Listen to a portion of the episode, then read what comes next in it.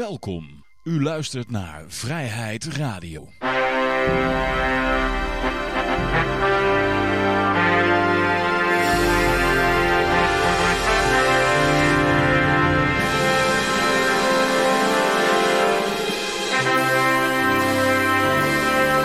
dames en heren, jongens en meisjes, dit is weer een aflevering van Vrijheid Radio. Leuk dat je luistert.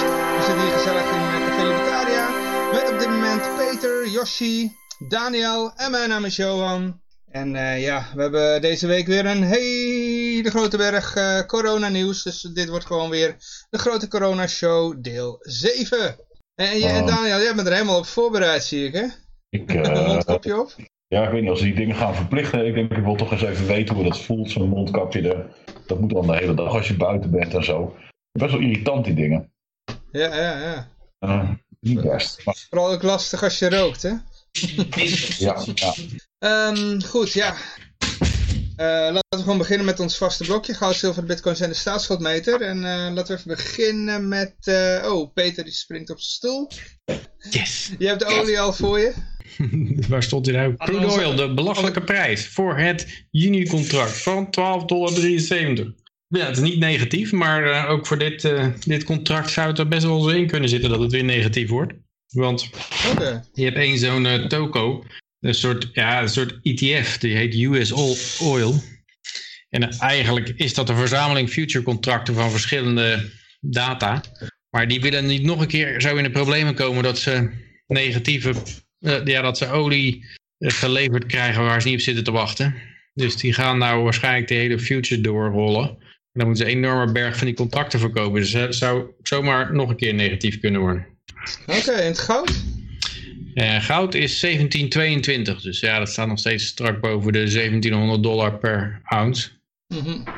Ja, en de, de bitcoin die is eh, door blijft eh, stijgen. Vorige week was hij nog eh, ongeveer 7000 eh, eurotjes.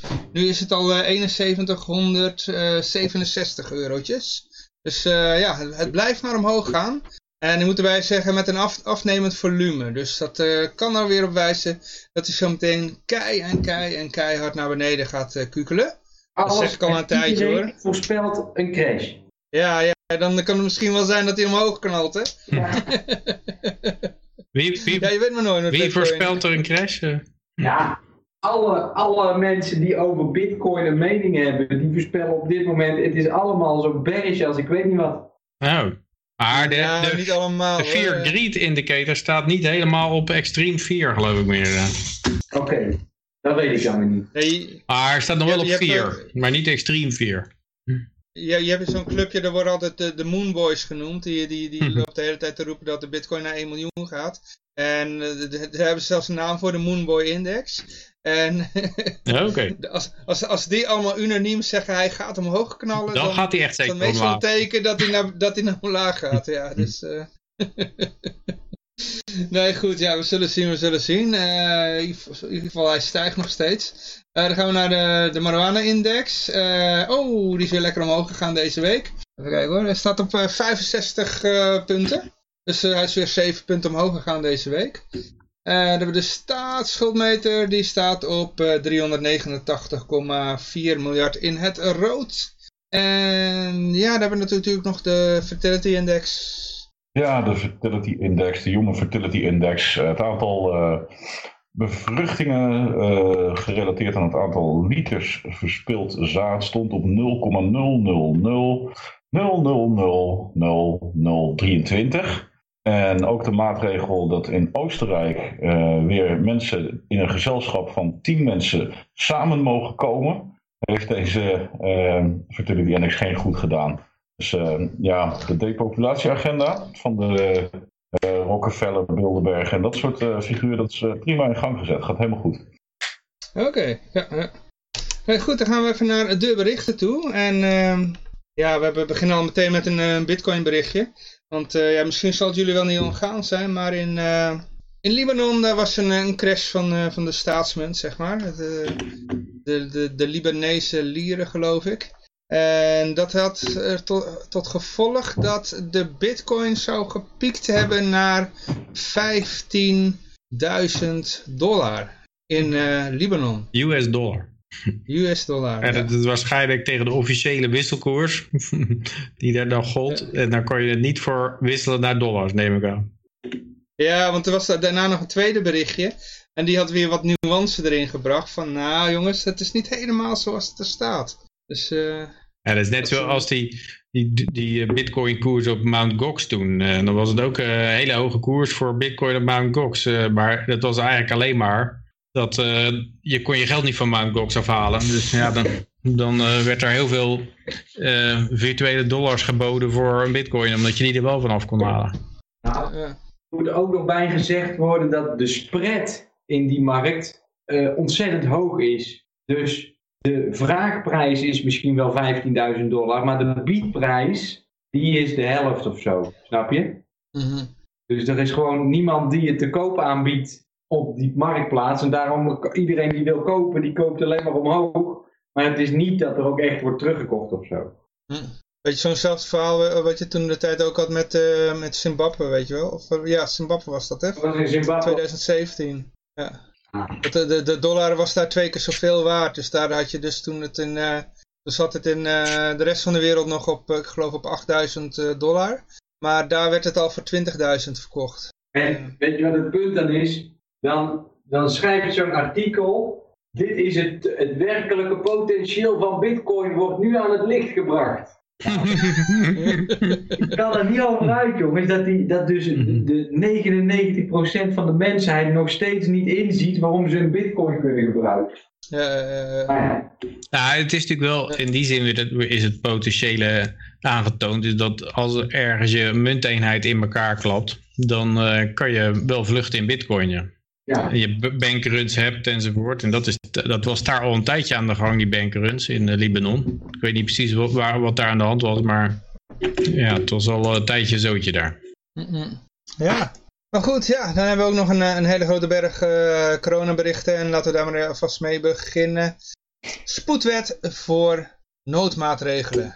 Ja, dat is dan altijd Ja. weer apart, hè? dat de overheid dan toch het gevoel heeft van, eh, ja, ze sluiten opeens mensen in hun huis op en allemaal dat soort ongein. Dat, eh, en ze, sluiten zaken, dat ze daar dan een wettelijk kader voor moeten hebben. Maar eigenlijk is het een soort noodtoestand, waar je de overheid zich tijdelijk altijd hele enorme eh, privileges geeft om dat te mogen doen wat ze maar willen. En eh, boetes uitdelen voor mensen die op straat eh, met elkaar staan te praten bijvoorbeeld. En eh, dan gaan ze daar eh, zelf, eh, zichzelf toestemming geven met een, met een noodverordening en met een spoedwet. Om, om de beperkende maatregelen juridisch beter vast te leggen. Dus ja, dan, Dus dat dan is het allemaal goed hè, als, eh, als, dat, eh, als ze dat gedaan hebben. Er waren wat mensen waren zich aan het roeren over het feit dat er ongrondwettelijke maatregelen achter steken. Eh, kijk, voor de verbod op samenscholing kan nog wel volgens mij in een noodtoestand. Maar als je kijkt naar de inbreuk in de persoonlijke levenssfeer, bijvoorbeeld het binnenkomen van een huis waar tien mensen bij elkaar zitten, dat is niet zomaar via de grondwet eh, acceptabel. Er is een bepaald recht wat zegt dat achter jouw voordeur dat dat jouw privédomein is en dat je daar eigenlijk mag doen wat je wil. Maar ik ben benieuwd of ze nu dus inderdaad op, op die manier eh, proberen toch hun, hun, ehm, nou, moet dat zeggen, hun invloed op de persoonlijke levenssfeer van mensen te vergroten. Met eh, dit soort eh, nieuwe wetten die het dan mogelijk maken om in zo'n toestand als waar we nu zitten, eh, om dan verregaande bevoegdheden te hebben tot achter de voordeur. Zonder huiszoekingsbevel, want dat heb je eigenlijk gewoon nodig. Hè? Je moet bij de rechter een huiszoekingsbevel afdwingen. Op het moment dat je iemand eh, zijn huis binnen wil, anders mag hij dat gewoon weigeren. Nou ja, dat soort dingen. Dus zouden Ja. anders mensen die met elkaar in een huis zitten, zouden corona kunnen verspreiden. Dus daarom moet de, daardoor moet de wet dus aangepast worden, zodat de politie daar even kan binnenvallen van jongens, jullie moeten anderhalve meter uit elkaar zitten in dat huis. Ja, Ja, en dat ik is denk het, ook denk dat, ik. denk ook dat de mensen Ik die dat weet nu het niet hoor, maar... Eh, de mensen die dat nu overkomen, dat, ze, eh, dat de politie achter hun voordeur is gekomen en boetes heeft uitgedeeld, dat ze dat voor de rechter kunnen laten komen. En Ja. dan kunnen zeggen van er was geen huiszoekersbevel. En dan zal die rechter misschien die boete eh, inderdaad eh, teniet eh, ver- verklaren. Omdat er grondwettelijk gezien moet er dan huiszoekersbevel zijn. Misschien willen ze dat toch even oprekken, zoals ze al, toch altijd weer een Het was dan vanwege die, eh, die, die, wat was het, de groep studenten, dat met z'n allen op het balkon Ja. van hun studentenwoning zat. Dus we toch moeten op 400 de euro boete. Ja, de grondwet moest dus herschreven worden, zodat de politie kan rechtvaardigen dat dat... eh, oh man. Overigens las ik ook dat de politie trekt Ja? boetes voor op balkon feestende huisgenoten in. Dus het is, ze zijn Ah, nog iets, oké, oké, iets te vroeg vanwege die, eh, die noodwet is er nog niet door. Als nou die noodwet er door is, dan, dan kunnen ze gewoon alsnog... Oké, dan komen ze alsnog langs. En wat waren die mensen aan het doen? De verjaardag van de koning aan het vieren. Ik bedoel, dan, ben je toch al een, een goedgekeurde slaaf. Ik Het mooiste bedoel, zou eh, zijn als het de bevrijdingsdag is. Hè? Dus we hebben bevrijdingsdag aan het Ja, ja, vieren. ja. Dan de, wordt de politie komt de deur intrappen en de boete uitdelen. Oh, Ja, dat, is, dat is al een tijd geleden, Peter. Maar ik heb al een keer een bevrijdingsdag meegemaakt. In Amsterdam was ik daar. Om eh, voor een alternatief weblog eh, met een aantal eh, figuren te praten over opvoeding en internet en zo. Het zal, volgens mij is dat, nou, wat was dat, zijn we 2008, 2009 ongeveer. Tien jaar geleden. En we wilden daar eigenlijk een eh, vrijheidsparade organiseren, een demonstratie met een, eh, met een groep mensen. Maar dat kon niet, want er was een noodverordening. Dus het, het zou niet de eerste eh, bevrijdingsdag zijn waar er een noodverordening heerst. Misschien wel landelijk. Die noodverordening was toen voor Amsterdam geldend. Maar ze hebben het al een keertje gedaan.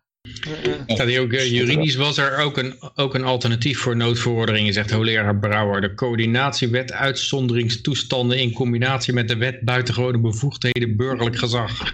Daarmee roep je de noodtoestand uit, zegt hij. Zoals Frankrijk en Amerika deden. Met zo'n tijdelijke toestand kunnen volgens Brouwer gemakkelijker maatregelen afgedwongen worden.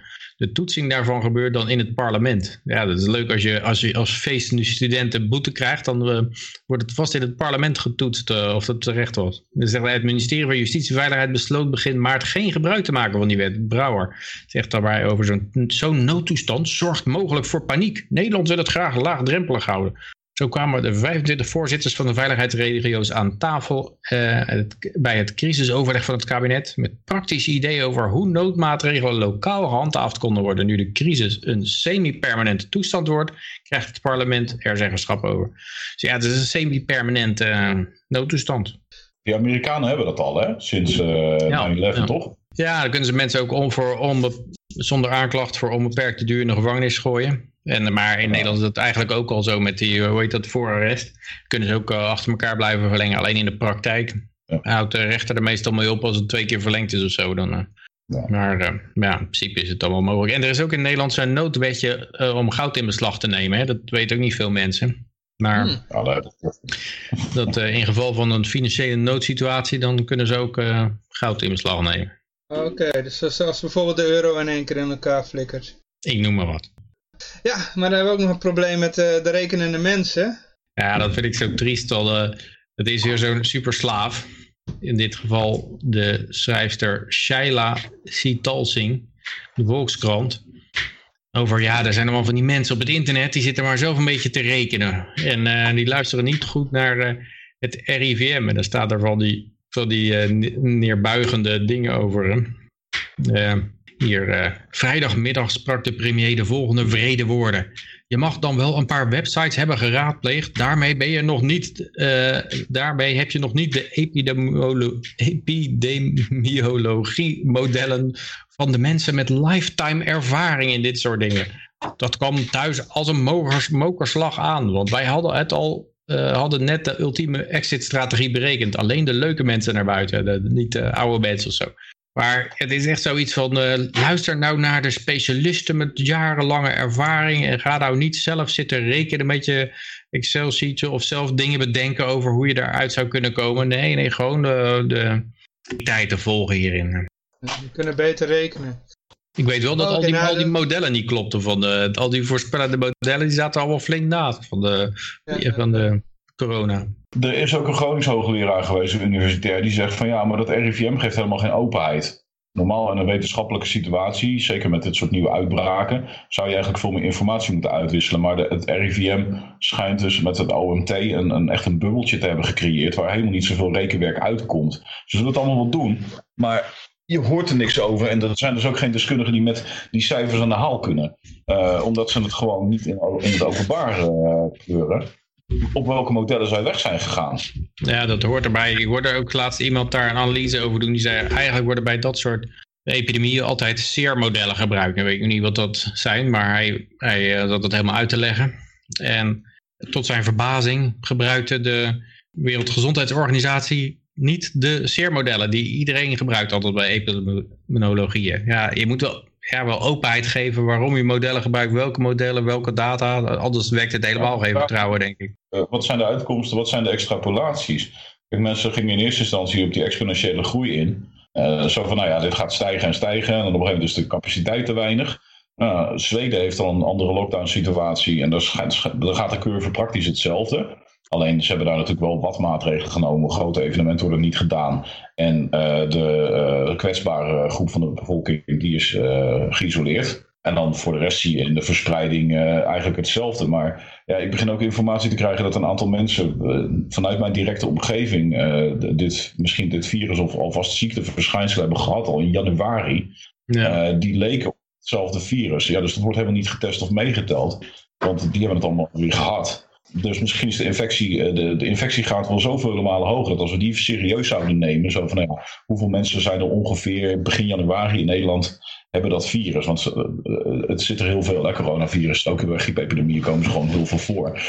Dat je, als je dat cijfer er neer zou donderen, dat je wel op hele andere conclusies uitkomt. En ik, ik waak er wel een beetje voor. Kijk, uh, ik geloof genoeg kanalen met mensen waar ik over die ziekte praat. Maar dat straks de overheid zichzelf op de borst gaat kloppen dat ze het zo goed hebben gedaan, terwijl het eigenlijk een natuurlijk verloop is geweest.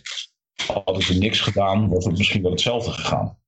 Ja, dat is ook de reden volgens mij waarom ze graag één zo'n wereldbeleid willen hebben. Want als je dat dus niet hebt, en daar heb je Wit-Rusland en Zweden die buiten, buiten boord zitten, dan, dan blijkt duidelijk dat, het, nou ja, dat, dat die heersers die zitten allerlei knoppen te draaien. Maar eigenlijk gaat het virus gewoon ongestoord zijn hangen. Het kan wel ja. hier en daar wat uitmaken. Maar er zijn ook een heleboel dingen die nog van veel grotere invloed lijken. Als je kijkt dat in, in uh, New York zitten de ziekenhuizen behoorlijk vol en in Californië helemaal leeg. Ja, dan kan je zeggen, oh, misschien speelt uh, de breedtegraad ook wel een beetje een, een rol in het soort uh, weer dat je hebt bijvoorbeeld.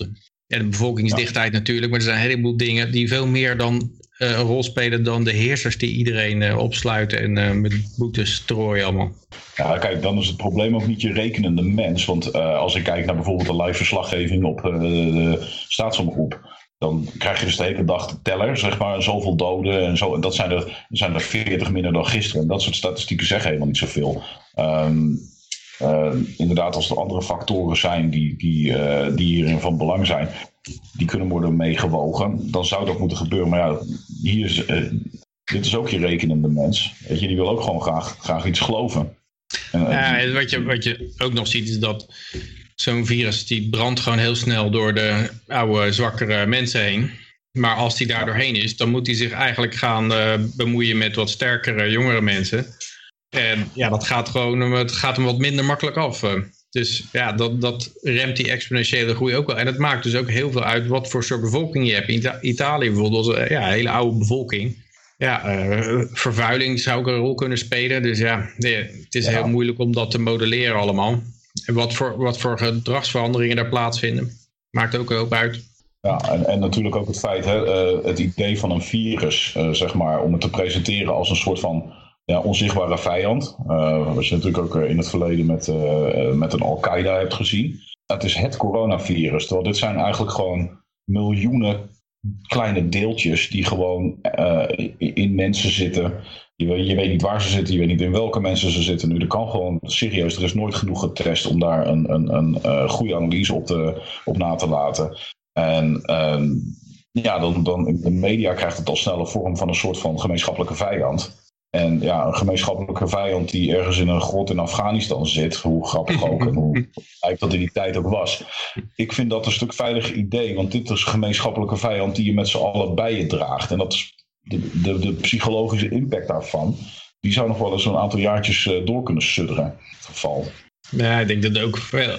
Ze zoeken gewoon altijd iets dat grensoverschrijdend is, een gevaar dat een overheid vereist. Dat is, daar gaan ze allemaal helemaal los op. Maar ik denk dat ja, dat we intussen wel zijn aangekomen bij het punt dat, de, dat het, uh, de maatregelen een stuk meer kwaad doen dan de, dan de, dan de ziekte.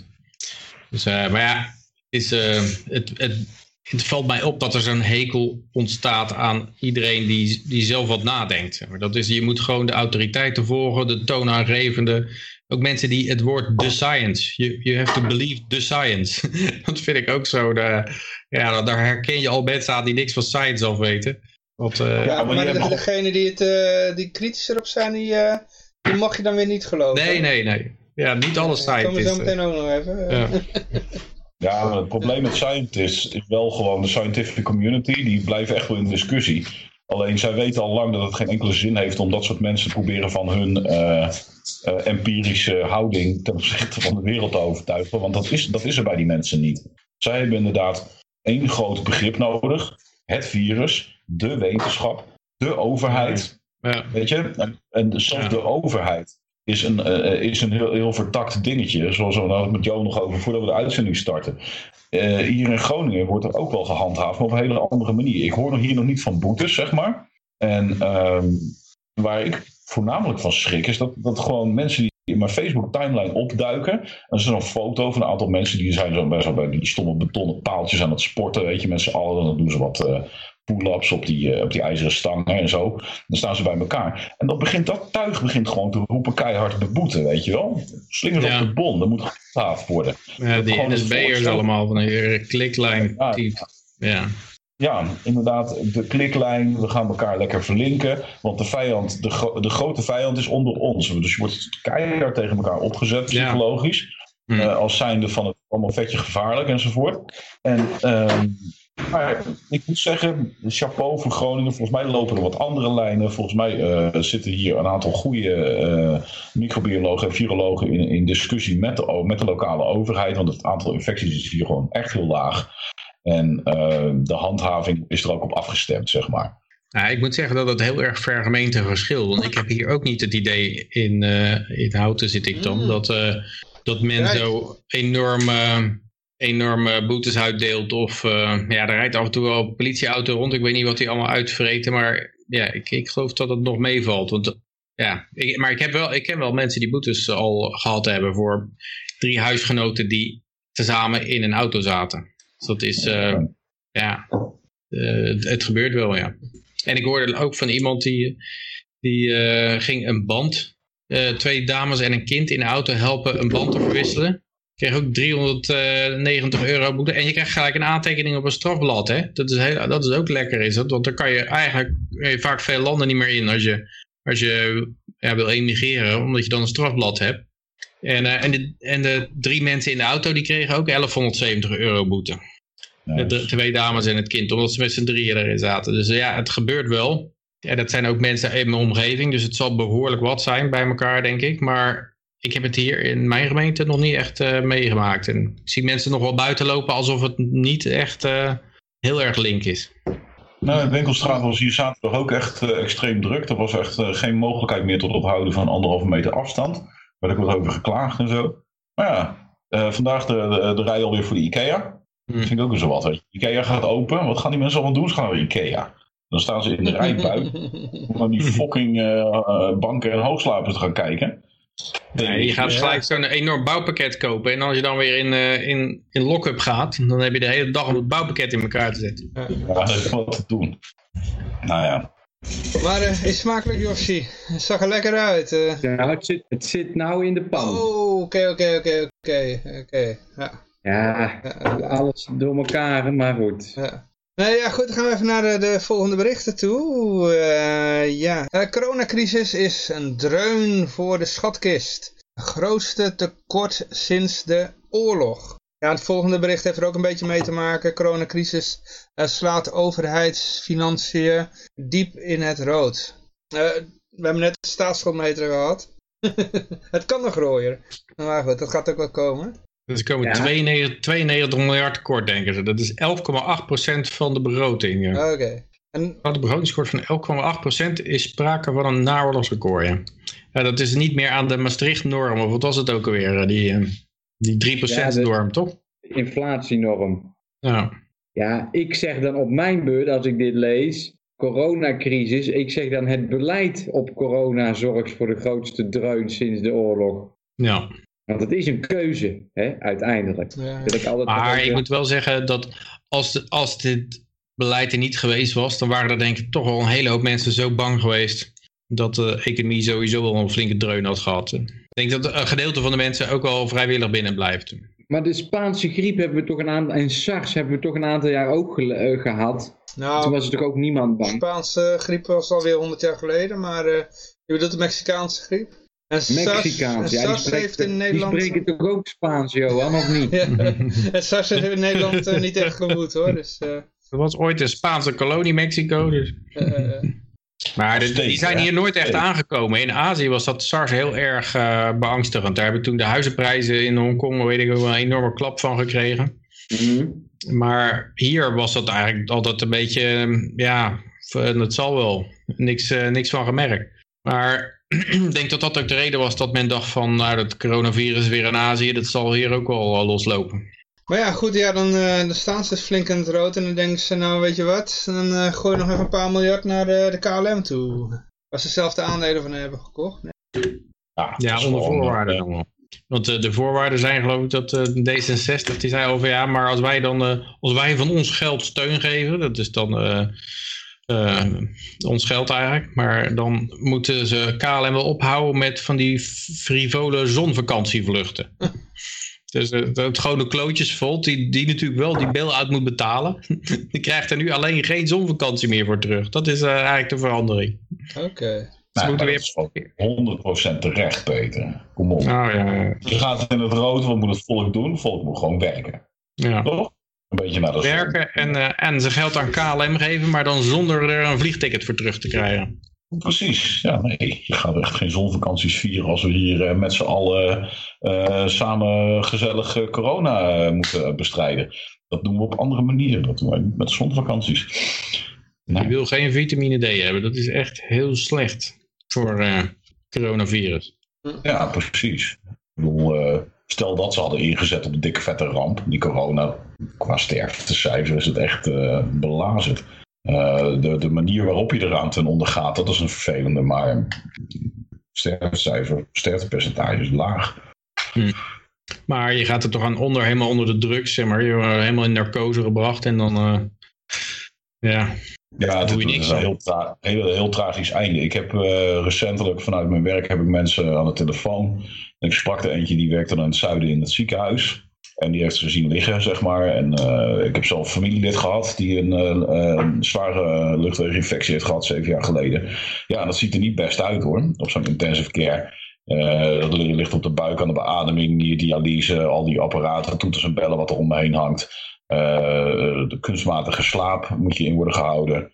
En eh, ja, als het eenmaal het einde nadert, dan gaan eh, nog één keer, hè, terwijl de familie erbij zit, gaan al die apparaten af. Op het moment dat het misgaat, en dan rennen er nog wat mensen naartoe. En daarna is het over. Het is absoluut geen vredige manier van ten, aan het einde van je leven komen. ja, het is natuurlijk nooit leuk. Tegen een eh vuilniswagen aanlopen is ook niet leuk, maar ja. Ik vind toch altijd nog de moeite waard om ook even Sven Hulleman te noemen. Met zijn YouTube-kanaal Een Oorlog Reeds Verloren. Die heeft deze week, ik denk gisteren of eergisteren, die is dus niet zo libertarisch of politiek gezind of wat dan ook. Maar ehm, die heeft deze week een, eh, hij is wel jurist. Hij heeft deze week een uur durende toespraak. Nou ja, toespraak meer een, een, ja, alles waar hij zijn emoties over had, heeft hij nou op het internet Hij gegooid. heeft zijn hart Maar gelucht. hij noemt dus ook. Ja, hij heeft zijn hart gelukt. Dankjewel, Johan. En hij heeft dus ook over eh, Schiphol een stukje. En over. eh, nou ja, dat je dus moet stoppen met belasting betalen op dit moment. Omdat de overheid heeft nu eh, aangegeven dat de WOP-verzoeken niet meer behandeld moeten worden in, in verband met overmacht. Mhm. Dus zegt hij, nou dan betalen we ook geen belasting meer, want er is overmacht. Ik zou En willen dat ik het een kon, maar... eh, Nou, hij heeft daar allerlei brieven voor opgesteld. Hij is jurist. Oké. En dan zegt hij gewoon, durf het, durf het om deze brief te sturen. Want dat is het probleem, niemand die het durft. Ja, je kan een brief wel sturen, maar uiteindelijk, ja, dan zeggen ze gewoon eh, dwangsom dit en eh, gevangenis dat en eh gedaagd. Eh, moet het durven. Ik wil hem gewoon even noemen. Ik ga ook niet eh, precies herhalen wat hij heeft gezegd. Maar het is zeker een uurtje wat je zou kunnen besteden aan hem. Want het is een, eh, ik vind het een interessante gozer gewoon. Dus ik vind het altijd nog wel even leuk om dat te melden dat hij weer iets nieuws op internet heeft gezet. Ja, ja. Een oorlog reeds verloren is zijn YouTube kanaal. Ah, oké. En hij eh, komt binnenkort ook bij jou in de, in de uitzending, hè? Dat is nog niet Niet bevestigd. bevestigd. Oh, oké, oké. Je bent ermee bezig. We zullen even gelijk jouw kanaal nog even noemen. Dat is uh, Honkler Hangout op Twitch. Ja, Ja, en... op ehm, Twitch. Oh ja, ik, ik kan tevens ook nog gaan melden, er komt nog een tweede Vrijheid Radio stream aan. En dat, is dan, eh, dat heet dan eh, Stuurloos. En dat wordt dan door Rick gedaan, die ook wel eens hier in de uitzending is. Dus die, eh, die gaat zijn eigen dingetje eh, doen. En dat zal eh, aanstaande donderdag zal dan de eerste pilot zijn. Dus ja. Ben benieuwd. Ja. Dat doe ik ook weer mee hoor. Ja, je, je bent welkom, dus ja. ja, dan gaan we even naar de, het volgende bericht toe. Politie vordert rijbewijs in en schrijft daarna nog zes bekeuringen uit. Oké, voor één auto. Idee. Ja, de schatkist is weer gevuld. Die heeft zijn, eh, die heeft zijn quotum wel gehaald voor de dag. Ja. het gaat De waarschijnlijk... auto, werd, eh, de auto reed 155 in het 100 gebied. Dat is 55 te hard. Hmm. Dan nemen ze het rijbewijs in. Maar de weg was toch leeg, hè? Dus- En dan zitten ze ook nog met een aantal mensen in, de, in dezelfde auto waarschijnlijk. Ja, klopt. Ja, dit is in Hoge Veen jongens, dat zijn ook wel eh Dan daar, snap je wel dat je je ook 155 rijdt. Daar rijden ze allemaal 155 joh. Maar goed, het, ging waarschijnlijk om een buitenlanders, eh, had ik begrepen. En hun eh, paspoorten en rijbewijs klopte niet. En eh, nou ja, in ieder geval, de, de, de stu- bestuurder werd zijn paspoort ingenomen. Of zijn rijbewijs. Dus dan moet er iemand anders achter sturen. Dus toen had de politie zoiets van, nou dan wil ik jouw rijbewijs ook weer even zien. En die had een vals rijbewijs. En nou ja, afijn, ging het hele karretje, ging, de hele auto gingen ze af. En eh, bij, eigenlijk werd bij iedereen wel het rijbewijs ingenomen om een of andere reden. Eh, dat, dat stond erin, hè, geloof ik. Ja, zoiets. Ja. Dus toen moesten ze ook nog even wachten dat iemand anders dan die auto zou komen ophalen. Want ze geen van allen mocht rijden. Maar even later zag de politie weer diezelfde auto rijden met diezelfde mensen erin. En die hadden allebei geen, allemaal geen rijbewijs. En toen, eh, nou ja, toen werden ze van de weg gehaald. Nou, dit is wel prachtig goed om te zien hoe de overheid zichzelf in de voet schiet in een zekere zin. Want je kan mensen wel blijven bekeuren, maar van de kale kip kan je niet plukken. hè. Dus Nee. ik Ja, vraag ze nemen me gewoon die auto in beslag, toch? Dat soort dingen. Ja, oké, neem je- het is een leaseauto, maar daar gaat het niet eens om. Maar wat, wat bereiken ze er nou mee dat ze die mensen dus zulke coronabekeuringen gaan uitdelen? Wat is daar het doel van? Willen ze zichzelf totaal kassiewijder maken? Of eh, weet je wel, wat, wat, eh, waarom ga je je burgers op die manier Nou, vervelen? dat, dat is eh, wel zo. Mijn neefje had ook zo'n boete, zo'n samenscholingsboete gekregen. En als er dan zo'n politieauto langs rijdt, dan vliegt de, de angstje om het hart. Hè? Dat is wel een heel belangrijke emotie. Dat, ja, die, Steven Molyneux heeft dat ook wel eens gezegd. Mensen zitten altijd te schelden op telemarketeer bijvoorbeeld. Maar dan ze- zei hij altijd van, eh, ja, nou gaat de telefoon. En nou hoor je dat het een telemarketeer is. Of je hoort dat het iemand van, eh, van de belasting is. Of van de, van de politie of zo. Hoe reageer je? Hij, hij zegt, je weet bijna zeker dat jouw hartslag de- het dak ingaat van politie of belasting of dat soort lui. En, en niet van een telemarketeer waarvoor je gewoon zegt, ja, ik zit nu te eten eh, op zouten. Ja, ja, ja. ja. En, en dat, dat gevoel, eh, mensen weten het dus al dat, dat je niet veilig wordt van de politie. Je krijgt geen veilig gevoel bij. Ik denk dat als je de, hartslag zou kunnen meten om, om zo'n politieauto heen, van de mensen die daar in de buurt eh, fietsen of zo, dan zie je al die hartslag omhoog gaan. eh, eh, omdat ze allemaal bang zijn. En ze, niet omdat ze zich veilig voelen. Ik, ik herken me wel in wat je zegt. Ja. Ja, als jij in die achteruitkijkspiegel ziet, eh, eh, kijkt en je ziet daar een politieauto rijden, dan denk je niet van, nou, huh, dat is gaaf, ik voel me nou helemaal veilig. Er kan, mij kan niks meer gebeuren. Dan denk je van, oh jee, waar zullen ze nou weer mee aankomen? ja. En dat wordt alleen maar erger naarmate die boetes onzinniger worden. Dus de legitimiteit die gaat, die is gewoon niet meer te verdedigen op een gegeven moment. Ik denk dat, dat mensen het heel moeilijk krijgen ja, om daar nog eh, een lans voor te breken. Hoewel ik wel het gevoel heb dat zo'n artikeltje toch altijd bedoeld is voor die NSB'ers die dit zitten te lege- lezen. En die zeggen, yes, mooi gedaan, pak ze maar. Ja, nog eentje. Ja, nog een boete. Ja, vals rijbewijs, ja, hartstikke idee. Dus eh, ja, dat is dan weer wat minder. laat ze hetzelfde werk gaan doen, durven ze toch niet. Weet je? Uh, boetes uitschrijven durven ze wel, maar er zit bij de politie er ook nog andere, andere stukken werk in. Dat durven die mensen niet, daarom roepen ze gewoon keihard dat de politie het maar moet doen. Hè? Ja, ja ze kennen zelf het die, wel. Als ze zelf die boetes op zouden moeten halen of moeten gaan innen, dan krijgen ze natuurlijk met een hele hoop agressie te maken. Ja, dan zouden ze gelijk denken van nou, eh, laat maar zitten. Maar als je het uit kan besteden, dan, ja, dan is het natuurlijk allemaal... eh Josje nou weer reclame te maken. Dat weet ik niet. Nou, dit is een uh, Tsjechisch, een, Praag, een biertje uit Praag. Oké. Dus dat moet wel niet smaken. Oké. nou, ik heb er wel lekker bier gedronken hoor, in Tsjechië. Ja, Daar ja. komt Pilsner toch vandaan eigenlijk? ja klopt. Ja. Ja, nou, proost. eh, ja, Dat is een stadje hè, in Tsjechië, heet Pils. Ja. ja, klopt, klopt. daar hoef ik jou niks over te vertellen, Johan. Nee.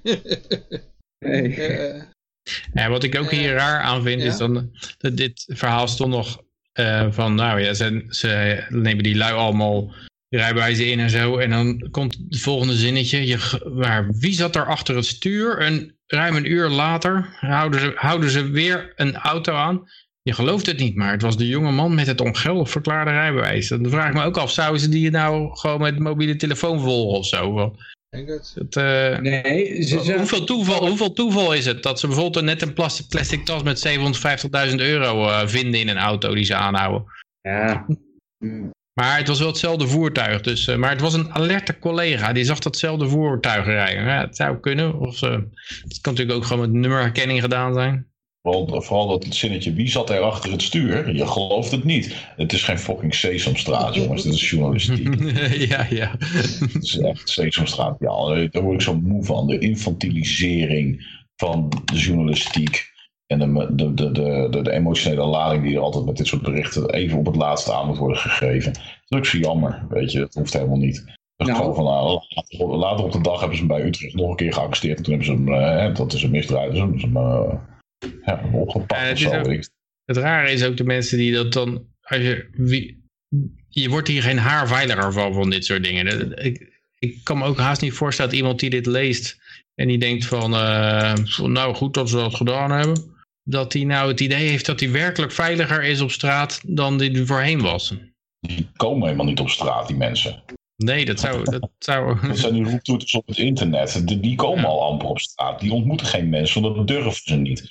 Durven geen vreemden aan te spreken op, eh, op, eh, op straat. En eens een keer een leuk contact te maken met iemand. Dat kunnen ze helemaal niet. Daarom zitten ze dat alleen maar te roepen op die social media. Wat dat betreft is de crisis, de coronacrisis voor mij, als ik het een beetje heb, ik kom toch een beetje uit die sociaal-wetenschappelijke hoek. Als ik er op die manier naar kijk, dan is het inderdaad van ja, weet je wat, blijven jullie ook allemaal binnen zitten. Ik wil alleen, dan ben ik maar een rekenende mens en dan wil ik inderdaad alle leuke mensen gewoon buiten hebben. Dan kunnen we er wat leuke dingen mee doen. laat, die, laat die idioten alsjeblieft binnen zitten.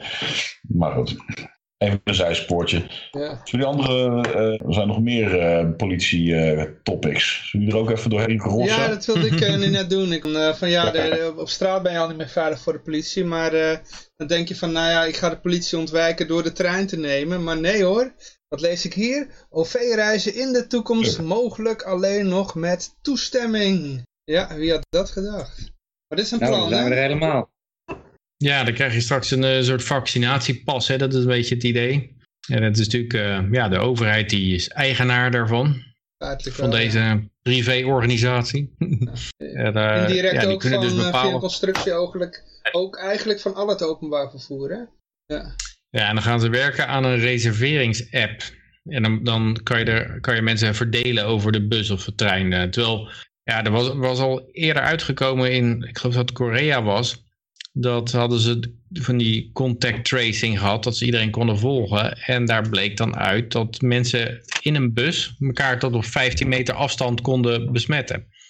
Want eh, de, eh, de geval waarvan bekend was dat hij ziek was en de nieuwe besmetten, die zaten 15 meter uit elkaar. Dus dan kan je die hele bus rondrijden, kan je dan drie mensen in vervoeren of zo. eh.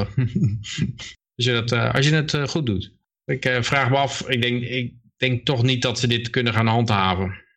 Maar ja, ze vinden het natuurlijk heerlijk om er allemaal boetes uit te delen. Maar je een treinkaartje kopen en in de trein stappen. Je moet helemaal van tevoren een plaatsje reserveren, kijken of er wel ruimte is. Ja, feitelijk met die overchipkaart ben je te volgen. Ja, En dus, dan moet je eh, die ruimte nog vinden ook. Dan kon zo'n trein aanzetten. Dan zit er ergens één plaatsje. Die zit anderhalf meter van iedereen verwijderd. En dan moet je dat plaatsje zien te vinden. Omdat ze nu met de stoelen gaan werken en zo. Ja. Dat ze dan bijvoorbeeld altijd al doen. hoor. Dan krijg je een zitplaats toegewezen. Ja. Ja. Ik, eh, maar is het, dit is een plan. hè? In hoeverre is het, eh, gaat het ervan komen? Ja, ik denk, hier zegt eh, Peters, dat is dan eh, eh, van eh, de OVNL, die zegt, er is een godsvermogen nodig om zich te houden aan de richtlijnen van het RIVM. Als we maar een kwart van de reizigers hebben, dus ook maar een kwart van de inkomsten, maar wel 100% van de kosten, dan is er voor de streek- en busvervoer zo'n 700 miljoen euro en voor de NS ook nog eens 700 miljoen euro nodig om te blijven rijden. Het Rijk moet dat gat dichten, dus daar gaat iedereen voor opdraaien dan. Ik denk dat de benzineaccijnzen dan omhoog gaan. Het, het Rijk. En Wij moeten ervoor opdraaien. Ja, de mensen op. die gewoon veilig in hun eigen auto zitten te rijden en niemand zitten te besmetten. Ja. Ja, ze gaan er weer betalen met boetes. Ja. oh man. Uh, waar gaat het naartoe? Eh, nog zo'n berichtje. Agenten met tolk op pad om eh, de samenscholingen op Kaaps, het Kaapsplein te voorkomen. Het is het weiden met de kraan open. Ja. Ja, dat is toch wel weer, weer leuk, vind ik. Dan zitten ze in zo'n allochtone buurt. ja, dan gaat de politie daar ook binnen trekken. Om iedereen die daar gewoon met elkaar staat te praten te gaan beboeten. Ja, die luistert, "Ah, ik heb geen idee waar je het over hebt. En, eh, dan moeten ze een tolk erbij halen. Dragen geen van de agenten mondkapjes. Er staan alle agenten binnen anderhalve meter van elkaar. En dragen ze ook geen handschoentjes. Dus ehm, Ja, ja, ja. het is toch Dus je kan gelijk die agenten boete, boetes gaan uitdelen. Ja, die moeten allemaal gewoon van hun eh, grondwettelijke eh, rechten worden ont, eh, ontnomen en zo. Dat is ook iets wat Sven zegt. Je moet die agenten gewoon aanspreken. Wat ben jij voor een vervelend persoon? Waarom slaap jij nog s'nachts? Kun jij dit werk wel blijven doen? Wie dien jij eigenlijk? Totaal eh, van de pot gerukt, joh. Eh, eh. Ja, ik denk dat, dat ze, dat dat ze hun eigen draagvlak aan het ondergraven zijn. En dat denk ik dat op heel veel vlakken gebeurt. Ook met die wetenschappers die allemaal onderzoeken uitdraaien die, die door overheidssubsidie eh, aangestuurd worden. Eh, dit soort agenten die eh, gewoon geld staan binnen te graaien voor hun politieke heersers. Ja, ik denk dat, dat de geloofwaardigheid gewoon heel hard de grond in gaat. Van, eh, of langzamerhand eigenlijk. Ik weet niet of het zo hard gaat, maar... Maar voor, voor mij is dit hele corona gebeuren, ik heb het nog niet gezegd vandaag, dus ik zal het nog een keer doen, is het allemaal te relateren aan het milieu. En is het gewoon een milieumaatregel. Dus dat, is- dat is hoe ik erin zit. Maar Jij denkt dat ze dit alleen maar eh, gaan doen om het CO2-verbruik terug te Ja. brengen zo? ja, Hm. want we hebben vorig jaar eh, gezien dat ze met die stikstofcrisis heeft Nederland in oktober ongeveer zijn limiet bereikt. Nou, toen hebben ze in december nog eh, de Urgenda-rechtszaak verloren. En op dit man de- deze manier stoot er niemand CO2 uit. En ja, ik, ik zie daar een verband in. Nou kunnen. Ja, maar wat, wat ik wel opmerkte was een berichtje dat in Duitsland blijkt dat nu het verkeer daar helemaal stil ligt, dat de NO2 helemaal niet omlaag gaat. Dus het, eh, ja, het komt eigenlijk helemaal niet van die diesel, die NO2, want nou wordt er niet gereden. En, en, en in België was het zelfs omhoog gegaan, geloof ik. Oh? Dus eh, ja, dat maakt het argument, we moeten al die steden autovrij maken vanwege de NO, eh, NOx-uitstoot niet echt sterker. Hoorde wel eerder dat ze niet goed wisten waar dat vandaan kwam, want dat zou dan ook veel van de banden afkomen. Die motoren zo schoon zijn, dat, het, dat de banden het meeste NOx veroorzaken. En het, en het rare is dat die Tesla's en zo, die zijn super zwaar. Die zijn, eh, ja, die zijn een paar honderd kilo zwaarder dan een gewone auto. Dus die banden die slijten ook harder. Ja, dat kan nog wel een rare wending nemen. Hmm. Ja. Ja, ik denk dat eenmaal koppelen, wat Yoshi zegt, zo van hey, eh, de, de, de doelen worden nu gehaald vanwege de eh, relatieve rust in de samenleving met corona. Ja, dat de ophokplicht als een soort van crisismaatregel eh, misschien inderdaad, eh, hè, zoals ze dat noemen, hè, het nieuwe normaal wordt. Dat je op een gegeven moment ergens, eh, dan gebeurt er weer wat en dan moet iedereen weer eh, ophokken. Ja, en ik, bijvoorbeeld in dat vorige artikel zag ik ook staan dat je dus alleen nog maar met het openbaar vervoer mag gaan reizen als er een reden voor is, een, een gegronde reden. Hè? En, en, en dus eigenlijk, je mag niet meer een plezierreisje maken. Nou, als je dat allemaal gaat verbieden, omdat je dus mensen gaat bang maken dat ze doodgaan, of whatever, dat ze ziek worden. eh, of in ieder geval dat jij vanuit die redenatie die mensen gaat ontzeggen dat ze vrij mogen reizen. Of dat je niet meer met vier mensen in een auto mag. Nou, ga eens een keer naar een uitje dan. Dan ga je niet meer, dan ga je niet meer redden, want je zit met vier in een auto. Of je moet dubbele auto's gaan rijden. Nou ja. Dus ik, Ja, ik maar dat is net zoiets als D66 met hun, eh, we gaan de vlieg, vliegreizen afschaffen naar frivole zonvakanties. Dus dat betekent dat eh, ja, alle lol moet er eigenlijk uit. eh. Ja. Het zijn net dominees, hè? Je mag geen plezier hebben. Ja. Ja, ik betrap me dus dat, want ik maak zelf dan, ehm, ik speel wel graag voor mensen, voor publiek. En dat is vaak op kleine locaties in kroegen. En dat mensen staan dicht op elkaar. Dus ik dacht, ik bedacht me was eergisteravond bedacht ik me in één keer van, hé, hey, rock and roll, dat wordt weer smerig, weet je. Net zoals in de jaren 50. Dat mensen allemaal vieze dansjes deden en dat iedereen het fucking smerig vond. Dat, dat dat gewoon weer live muziek en dansen met elkaar, dat dat gewoon er weer smerig wordt. Dan dankzij deze crisis, zeg maar. Dat zou ik echt, eh, Ja. dat, dat vind ik een hele ontwikkeling. Ergens zo, dat je straks kijkt van, oh kijk die mensen met die gitaren en zo. En dan gaan ze ook nog allemaal met elkaar dansen. Wat een vieze... Viezerik. Ze willen zeker hartstikke dood. Nee, het is, het is Satan zelf wat hier zijn, die zijn werk aan het doen is. Zoals in de jaren fucking, fucking 50. Ja, ik zie het wel gebeuren. En ik vond het ook een hele leuke, zeg maar. Dan denk ik van, ja, daar kan ik nog, daar kan ik nog wel wat mee uh, rock and roll. eh, beetje statement, statement maken. Maar ja, wij zijn gewoon vies. Wij willen gewoon hartstikke dood. Ik heb ook geen last van die mensen meer. Ik zie het trouwens wat bij dit artikel ehm, de, bij de, over het eh Kaapse plein. Er staan nog andere berichten bij. Remkes tracht drukte op stranden dit weekend te voorkomen door parkeerterreinen gaan, eh, te gaan sluiten. En de volgende is, we moeten maar vast wennen aan drones. dus het is echt eh het ene Orwelliaanse ellende naar de andere wordt over je uitgekieperd. Ja, het is echt... eh, it's, it's on. It's on. Full force. Ja, maar dit is, dit, dit is de escalatie. Het is natuurlijk Maar wel zo vaak ook dat, de, dat de versnelling het einde van de beweging is. Ik denk ook niet dat dit corona gebeuren eindigt, zeg maar. We blijven hier gewoon... Dit wordt een constante... Ja. Dit wordt gewoon de Ja. nieuwe normaal. Ja, je kan gewoon, gewoon als het uitkomt, kan je gewoon opeens van, ja, het is weer, een, eh, het is weer, het is weer opgeleefd en eh allemaal weer twee maanden opgehokken. Ja, en over, over vijf jaar of zo, dan heb je dus geen openbaar vervoer meer. Dan mag je alleen, als jij inderdaad gevaccineerd bent, eh, mag je een week van tevoren je kaartje gaan bestellen. Als jij een goede reden hebt om ergens naartoe te gaan. Dus dat is niet naar de Efteling. Hè? En dat is wa- waarschijnlijk niet eens naar, eh, op bezoek naar je grootmoeder in Groningen. Weet je wel? En eh, ja, ja ik, ik zie hier gewoon een nieuw, eh, nieuwe normaal ontstaan. Ja, toch kan ik me niet voorstellen dat dat, dat dat echt geaccepteerd gaat worden. Maar ja, ik onderschat het nog wel eens eh, wel van wat er geaccepteerd wordt. Maar op, Ja, en- dit, dit gaat zo'n groot stuk van de economie om zeep helpen. Ja, dus Ja. doen het- ik denk dat het steady but slowly wordt, weet je. Zo, je hebt nou één keer die crisis gehad, dat, is de, de- dat noemen ze in de psychologische term noemen ze dat ankeren. Het ankeren van de gedachte, dat de overheid roept je moet naar binnen, want je gaat dood. Dan gaan ze weer Ehm, even terug daarna. en daarna moet er natuurlijk eh, er moet een relief, eh, de relief pitch moet komen. Want anders dan eh, gaan mensen in opstand komen. Je ziet het nu dus al in die winkelstraten gebeuren. Dit houden ze geen maand meer uit. Dan moet het er ook af, zeg maar. Want mensen willen weer dat normale leven oppikken. Maar dan is wel geankerd dat ze naar binnen moeten als het gevaarlijk wordt. En dat, ja, dat, dat daarvoor technologie wordt ontwikkeld. Hè. Dus met de drones natuurlijk. De drones worden geïntroduceerd. Die eh, muziekjes draaien of zo, weet ik veel. En dan... eh, nou, hangen straks al die 5G-masten er. En die schijnen ook nog het een en ander te kunnen als het eh, gaat om mensenmassa's uit elkaar drijven. Nou ja, zo rustig aan, weet je wel. Maar je- ik heb altijd geroepen, want ik was, ik, ik moet bijna weer full-on aluhoedje nou. Ik moet die theorie niet verwerpen. Ik heb er jaren in gezeten, maar dat was tien jaar geleden. En toen begon ik al erover te schrijven van, dit moet, ze hebben gewoon generaties de tijd. Het maakt niet uit wanneer het einddoel is gehaald. Als je zeg maar voor totale controle gaat.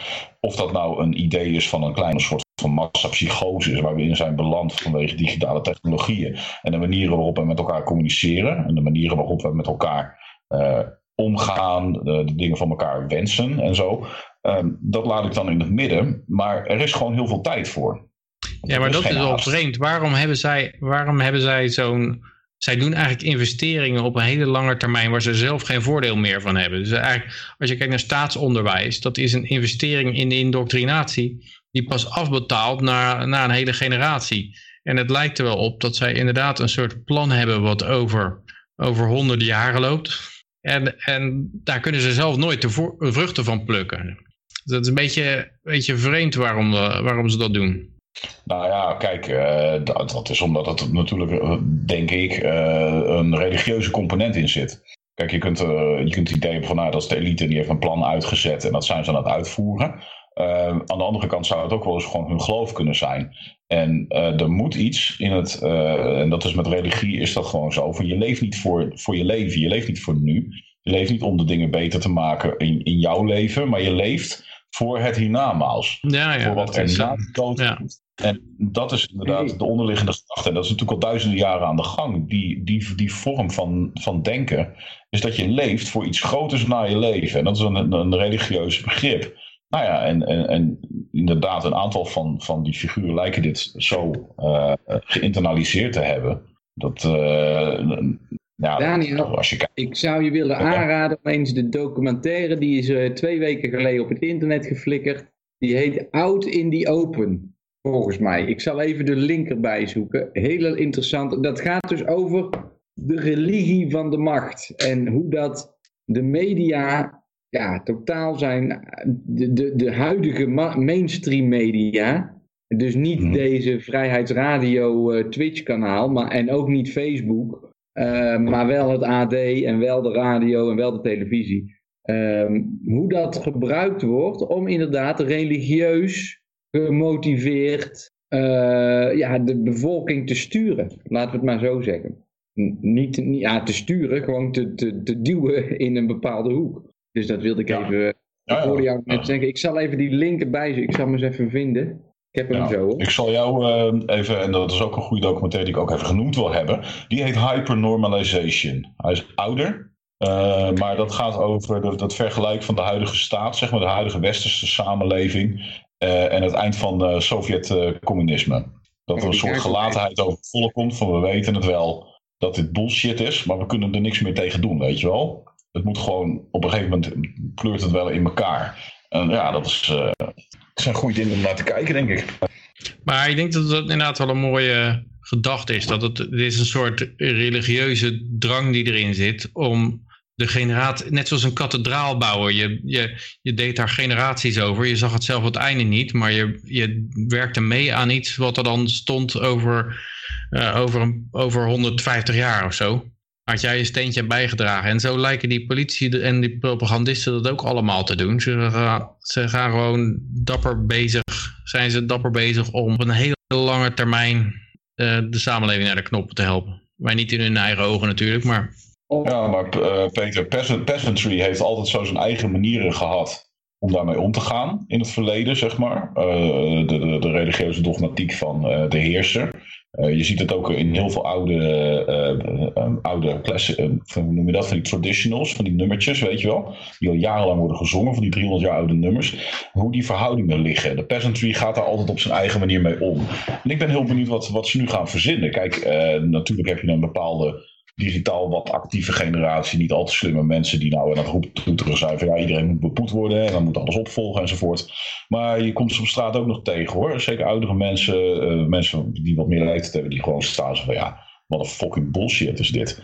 Dus ja, ik kom dat eigenlijk allemaal tegen. Dus ja, dat is een, ik zou er geen voorspelling op eh, durven loslaten.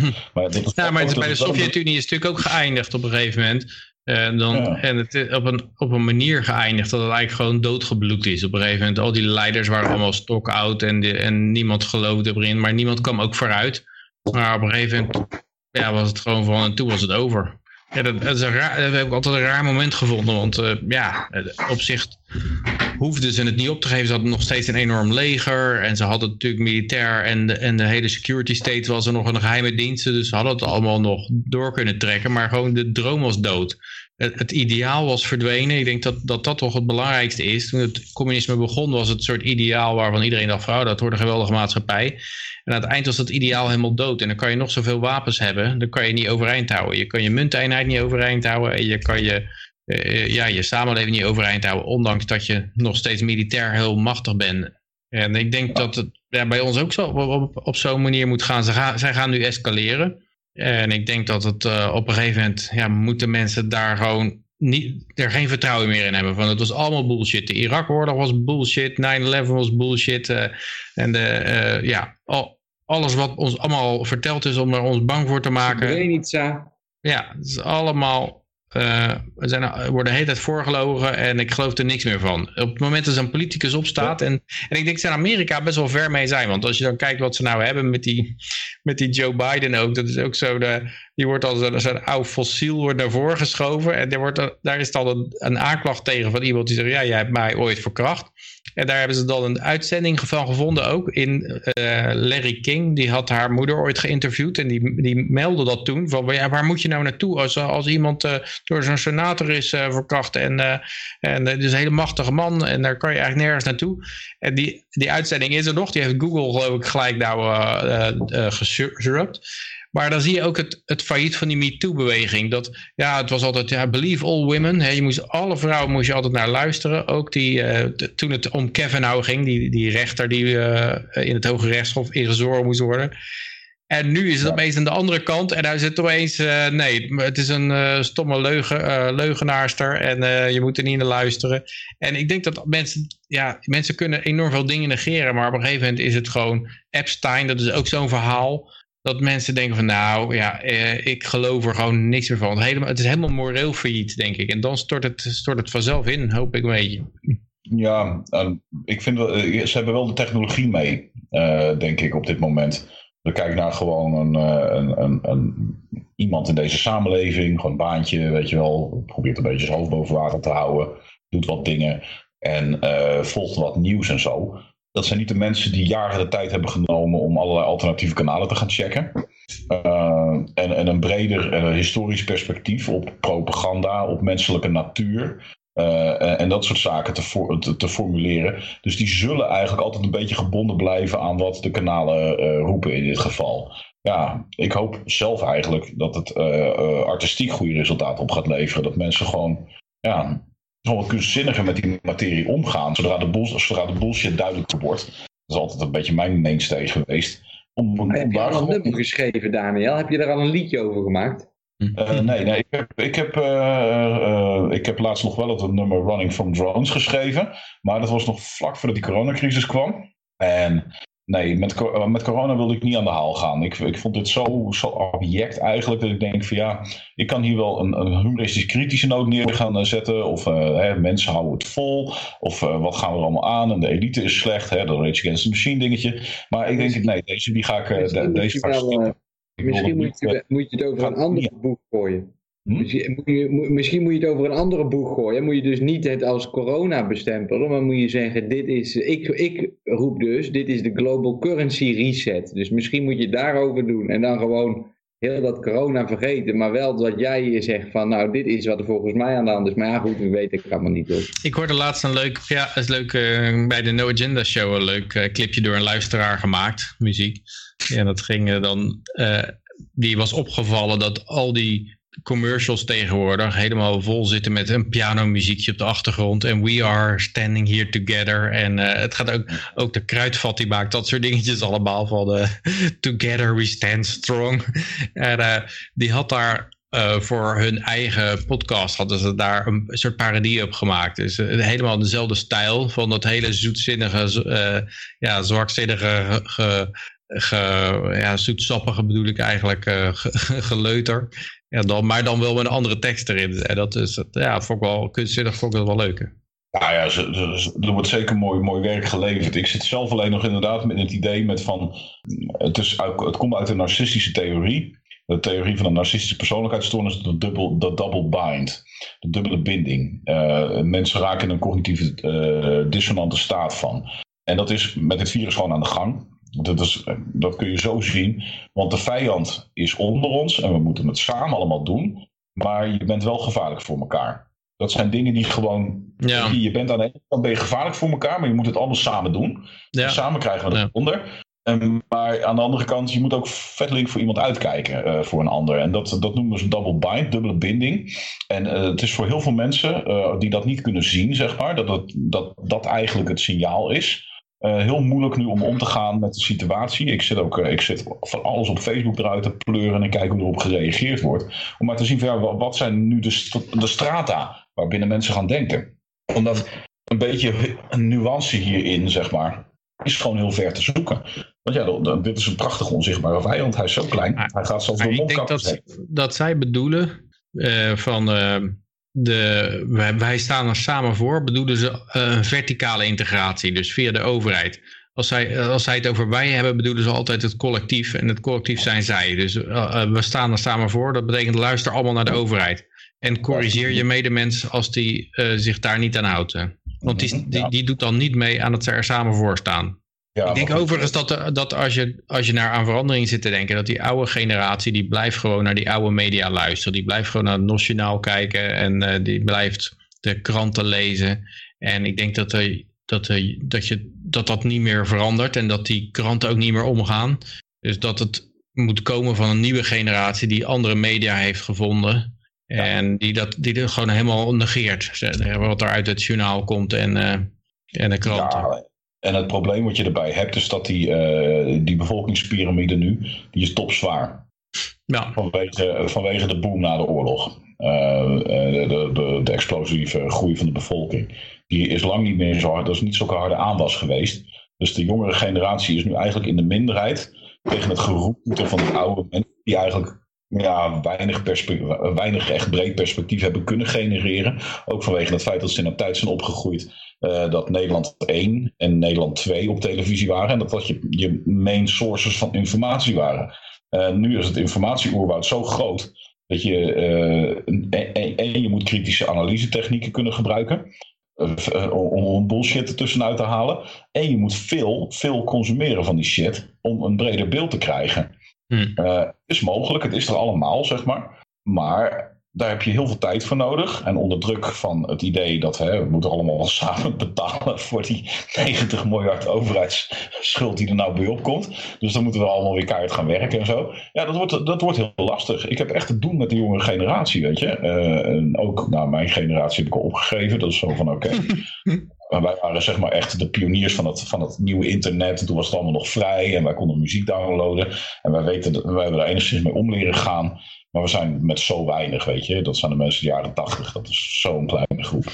Maar dit is wel altijd het standaard lijnen waarop het gaat. Want dat was bij Sovjet-Unie ook. Je had daar Chernenko en, en uh, Brezhnev en Andropov. En het waren allemaal van die oude sukkels die elkaar opvolgden. Na twee jaar uh, dood uh, lagen en dan kwam er weer een andere.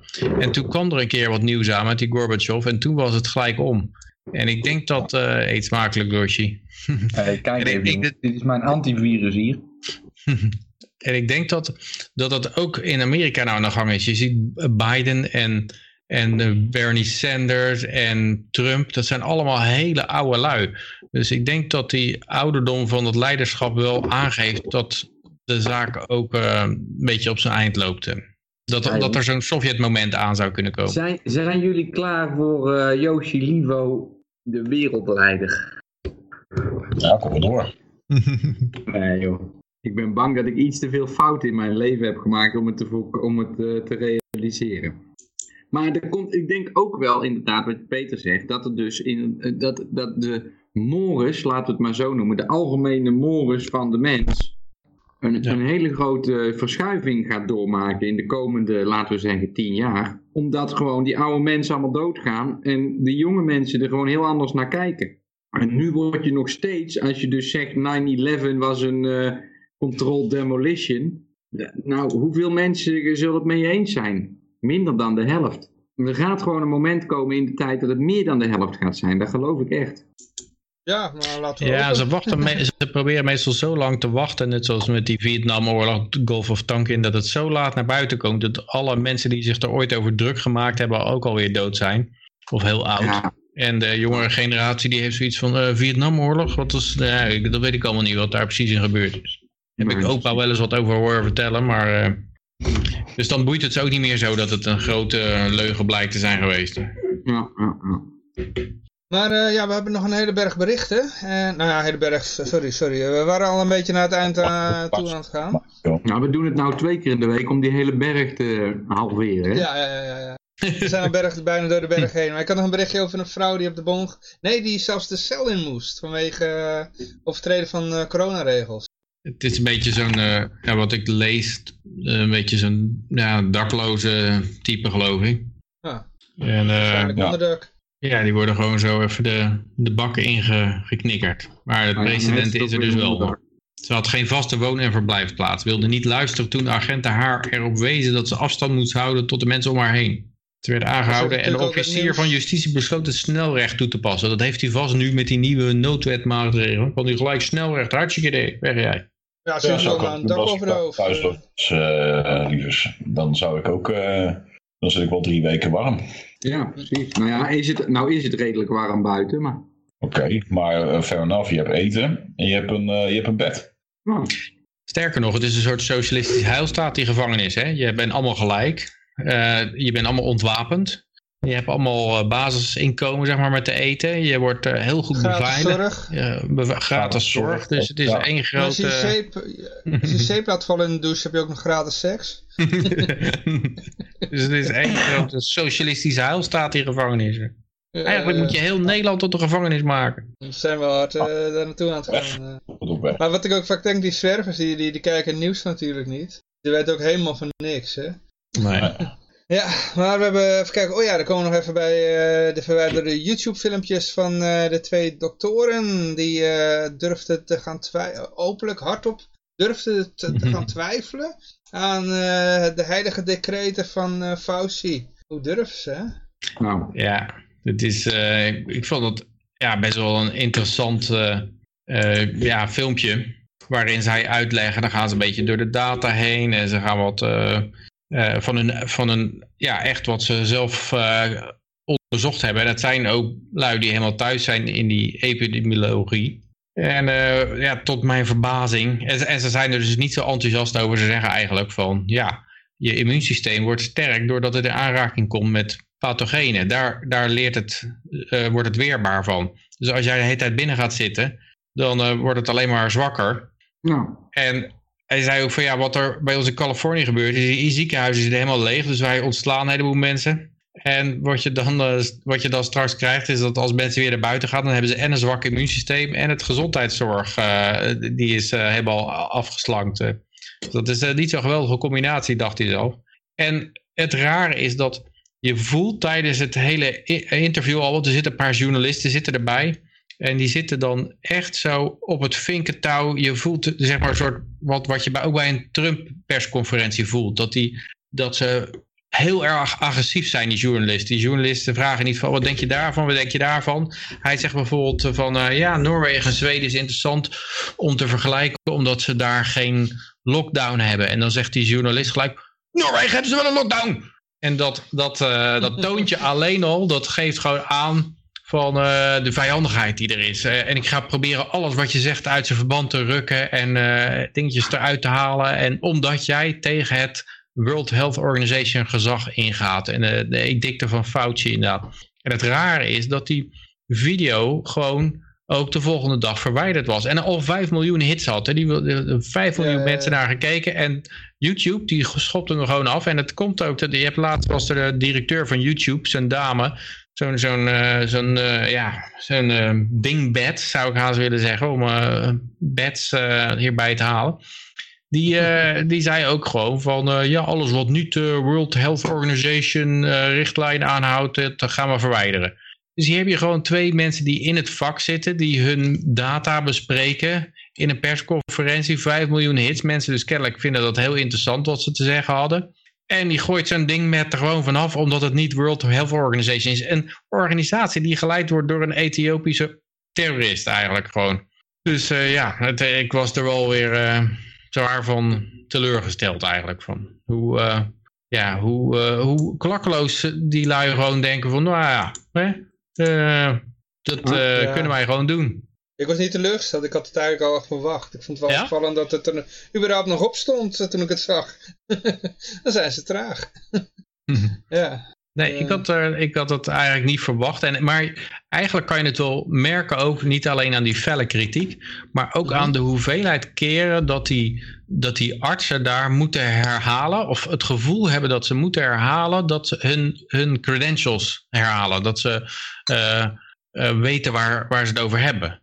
Dat, dat geeft al aan dat ze helemaal in de verdediging zitten. Dat ze weten van als ik niet genoeg met die diploma zwaai, dan word ik gelijk uh, afgefakkeld onafhankelijk van wat ik zeg, of het ergens op slaat of niet. Omdat er zoveel order-following uh, journalisten zijn. En uh, ja, dat is triest. Ja, ze hadden misschien een witte jas moeten aantrekken in plaats van die blauwe. ja. En daarbij zeggen, het is klinisch bewezen dat deze tandenborstel beter is dan van de concurrent. 23,6% beter poets dan die van de concurrent.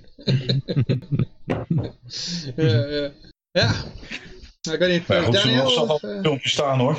Eh, die ja, dat, ja, eh, die, die, die filmpjes zijn allemaal weer gerepost. Dus uh, Ja, ik ja, denk dat het- weer maar druk. eh, hè?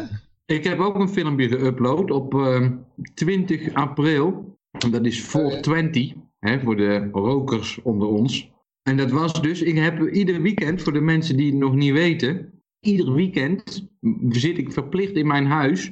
Want in Servië is de lockdown als volgt. Daar verdelen ze de, de groepen, zeg maar. Dus de, de jonge mensen mogen naar buiten door de week en de ouderen mogen naar buiten in het weekend. Dus Mm. deze, dit weekend bijvoorbeeld moet ik om donderdag om vijf uur s middags moet ik in mijn huis zitten. Tot en met maandagochtend vijf uur. Dat is in totaal 80 uur dat ik mijn huis niet uit mag zonder gegronde reden. En nou ja, op, op eh, 20 april was dat dus ook na meer dan 60 uur zat ik op een gegeven moment op mijn balkon. En ja, in dat filmpje zeg ik dus, beste mensen, jullie hoeven echt niet bang te zijn. Als je onder de 50 bent, hoef je echt niet bang te zijn dat je doodgaat aan corona als je gewoon gezond bent. Want er is gewoon helemaal niemand die eraan doodgaat op dit moment. Onder de Yoshi, 50. het gaat erom dat jij wel ouderen dood kan maken daarmee. Je moet aan anderen denken. Je moet, eh, je moet niet alleen aan jezelf denken. Je moet, aan, je moet je opofferen voor de medemens. Nee, nee. Die ouderen moeten aan zichzelf, die moeten aan zichzelf denken. En ik Oh. moet gewoon kunnen leven. Dat zei die artsen trouwens ook. Die zei, het is nog nooit in de geschiedenis gebeurd dat gezonde mensen opgesloten worden. Het zijn altijd de zieken die in quarantaine gaan. Dat is wat, waar de quarantaine voor bedoeld is. Eh, maar dat, eh, dat het andersom gebeurt, dat, dat is eigenlijk heel eh, ongebruikelijk. Vond ik ook wel een, nou, er zaten een heleboel leuke dingen in. Daarom vond ik het eh, heel raar dat ze dat gewoon zo bij YouTube flap, up in de vuilnisbak. Ja. in de memory hole. Tegenwoordig ook naar Hm. library.tv.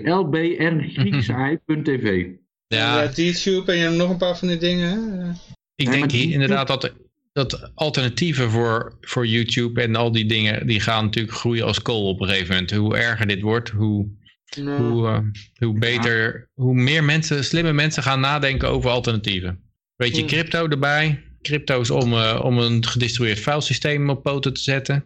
Ik, ik, heb dat, ik, ik, ik, ik heb er een hard hoofd in hoor. Want kijk, die, veel van die mensen, bijvoorbeeld de complotgekkies, die willen, die willen gehoord worden. Dus die gaan niet op een of andere obscure eh, groep zitten waar niemand komt. Die willen juist eh, in groepen zijn waar, waar iedereen is. Op Facebook bijvoorbeeld, weet je wel. Ja, maar dat- op, memo.cash zitten. Want ja, er zitten alleen maar een paar developers en een paar nerds zitten daar.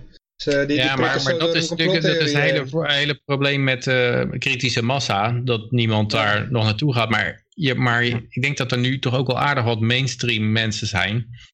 Die, eh, ja, ik, ik weet ook van familie die die video van die, doktertje, van die dokters gedeeld heeft. En eh, dat het dan opeens weg is. Ik denk dat, ja, die zitten niet zo diep erin als wij misschien. Maar die, eh, ja, die gaan zich ook een beetje, eh, op een gegeven moment wel misschien op zoek naar wat eh, andere nieuwsbronnen. Ja, laten we hopen. ja, maar kijk, in dit, dit, dit cijfer zegt het al, hè, 63% die wil dat er een corona-kliklijn komt. Ja. Dit is dan een onderzoek in bij een lokaal servertje. Ja, en de vraag is ook altijd, hoe, hoe is die vraag gesteld wel? Hè? Maar het, Ja, dat ook, dat ook, dat ook. Bent u ervoor om eh, oudere mensen het leven te redden? Eh, als vervelende hangjongeren ze bruut willen vermoorden met hun virussen. Wel de, ja, Ja, ik heb de vraagstelling natuurlijk niet bekeken, maar... eh, er werd toch nog wel bij gezegd dat de, de, de mensen die tegen waren, die waren wel fel, feller in het beargumenteren van waarom ze tegen een kliklijn zijn. Hmm. Nou, dat maakt ook vaak veel uit.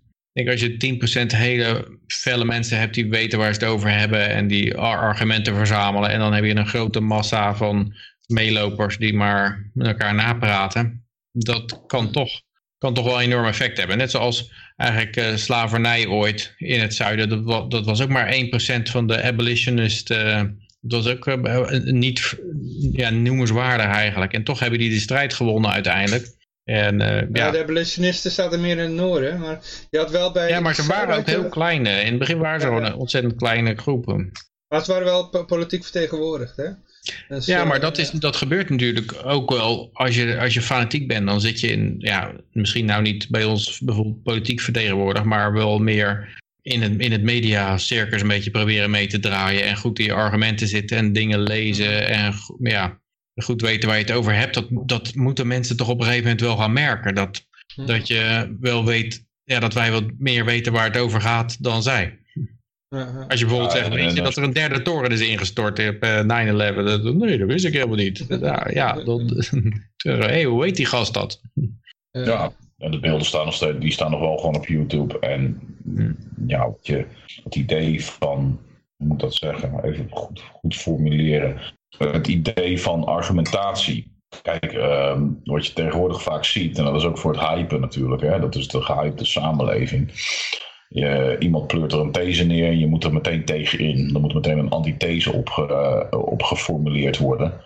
In plaats van dat je zegt van oké, als ik dit, als ik voor waar aanneem, welke gevolgen heeft dat? En op die manier te bekijken, zo van nou, dan lijkt het me niet waarschijnlijk wat jij poneert. Ehm, eh, want als ik dat extrapoleer, dan kom ik naar deze en deze en deze gedachtegangen. En dat lijkt me niet het geval te zijn. Dat is een hele andere manier van argumenteren dan meteen te zeggen. Ja, maar dit filmpje op YouTube dan. Ja, en dit krantenberichtje dan, weet je wel. En dat is een beetje hoe mensen nu naar elkaar lopen te smijten. En ja, dat is problematisch, maar dat is toch echt een manier van communicatie. Er zit geen logica meer in. Eh, het is ontdaan van, van formulering, van argumentatie. En daarmee eh, creëer je eigenlijk de situatie die er nu is, zeg maar. Je bent voor of je bent tegen. Nou ja, ik, ik ontmoet nog, gelukkig nog genoeg mensen die zeggen van ja, mijn tijd wel weer duren deze. Want eh er klopt geen, klopt geen bout van. Maar aan de andere kant, ja, ik spreek ook mensen die dus inderdaad familieleden hebben die ziek zijn. Eh, de verhalen, inderdaad, ja, je- met- er gaan wel mensen dood. Ja, dat is ook kut. Ja, maar dat, het- dat, dat, dat laatste wat je zegt, dat, eh, want het, het is nu een tijdje bezig. Ik, de, de eerste keer kende ik ook helemaal niemand die, eh, die last had van corona. En dan hoor je dat, dat er mensen zijn die een familielid hebben die dat heeft. En eh, ja, goed. En, nu is het echt zo dat er al de, direct mensen, kennissen van mij, corona hebben, weet je wel. Dus, eh, het komt wel steeds dichterbij. Dus, eh, en te- terwijl je dan wel ziet dat is in de cijfers van, eh, het neemt allemaal af. Ja.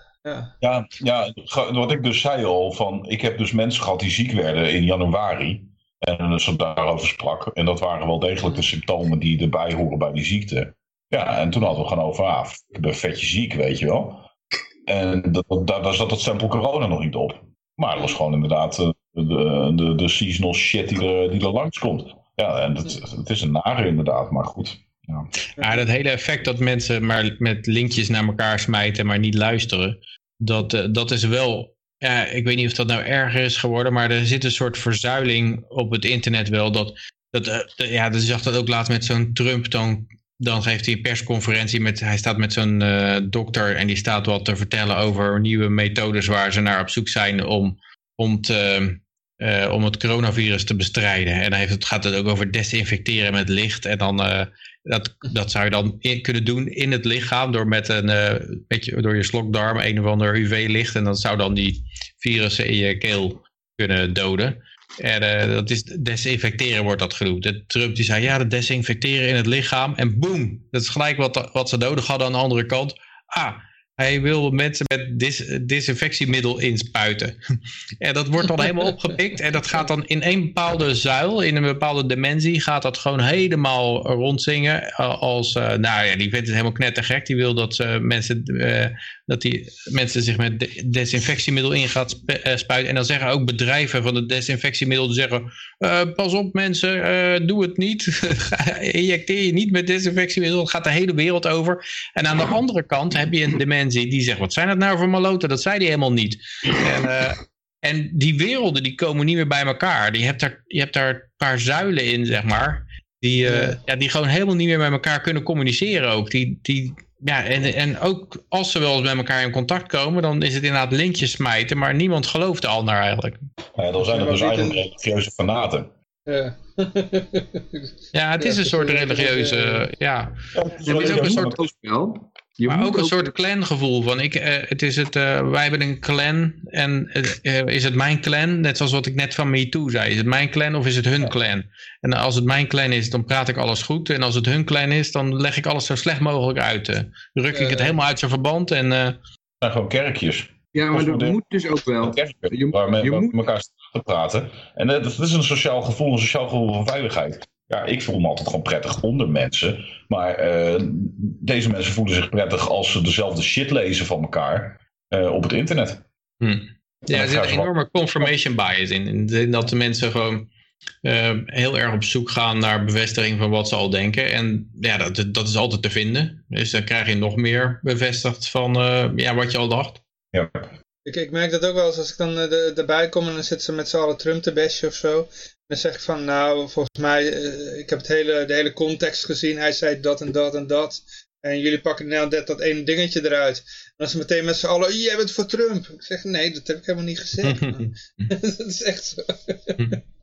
We kunnen heel helemaal uitleggen, ik ben helemaal niet voor Trump. Het is, hij loopt ook mensen te bombarderen, net als Obama. En eh, dan, dan, dan zie je ze allemaal kortsluitingen in hun hoofd krijgen. Weet je. Hmm. Dat- was bij die twee, Oh ja. twee doktoren ook. Daar hoorde ik iemand zeggen van ja, kijk, hij, hij extrapoleert van een, een sample size van zijn eh, eh, besmettingsgraad, zeg maar, eh, naar de hele stad New York. Ja, dat is natuurlijk niet goed, want het is niet representatief, die sample size. Want ja, dat zijn dan natuurlijk allemaal mensen die zijn hotel zijn binnenstompen, of zijn eh, ziekenhuis zijn, komen binnenstrompelen. dus ja, die zijn waarschijnlijk wat meer ziek dan gewone een random selectie uit de bevolking. En dat was één puntje in een heel lang verhaal waar een heleboel zinnige punten in zaten. En dan eh, de tegenstanders die denken, ja, eh, die zijn tegen de lockdown, ik ben ervoor. Hup, haal ik dit puntje eruit, helemaal opblazen. Die luisteren helemaal knettergek, belachelijk, slaat nergens op. ja, dat is zo, ja, dat is eigenlijk zo jammer, hè. Er is Brian Singer, die later ook nog een, een Hollywood filmproducent is geworden. Heeft ooit, en dat is een interessante documentaire voor mensen om te kijken, die heeft ooit de eh, feeds van satellieten, toen die nog onbeveiligd eh, door de ether heen gingen, heeft hij ze opgevangen. Dus die heeft een aantal conversaties en situaties tussen eh, prominente media, mensen en politici eh, kunnen tapen. En daar heeft hij toen een documentaire van gemaakt. Die staat volgens mij ook gewoon nog op YouTube. Spin heet dat, van Brian Singer. En ehm, daarin zie je inderdaad dat, ehm, dat het de doctrine is. De, de campagnedoctrine. Van als jij het argument wil winnen, dan pak je er één dingetje uit en dat vergroot je uit. En iedere keer als iemand de nuance wil toevoegen en naar een ander eh, onderwerp wil gaan, Ehm, en daar zat toen een, een, eh, ze- zeer eh, christelijk fundamentalist- eh, fundamentalistische presidentskandidaat bij, die ook werd gevolgd. En hem werd gewoon verteld: van dit is hoe je het doet. Als iemand anders met een argument komt wat niet in het straatje past van wat jij wil vertellen, dan herhaal je zijn argument. Dan zeg je van: jij zegt nu dit en dit en dit, maar waar ik het over hebben is dit. En dan blijf je continu je eigen punten doorheen rammen. Dat is gewoon een, een, een media, een propaganda, mediatechniek die die mensen dus al in de jaren negentig eh, gewoon geleerd werd om voor hun eh, electorale gewin te gaan. Ehm, ja, En dat niet af- alleen, het, eh, wat er, dat is nog zeggen van, nou, eh, wat jij zegt is dit, maar ik bedoel dit. Of de, heel veel politici doen dat inderdaad. Door, door iets te zeggen van, eh, ja, de vraag die je eigenlijk zou moeten stellen is deze. En dan gaan ze die beantwoorden. En dan beantwoorden ze nooit de vraag die gesteld is.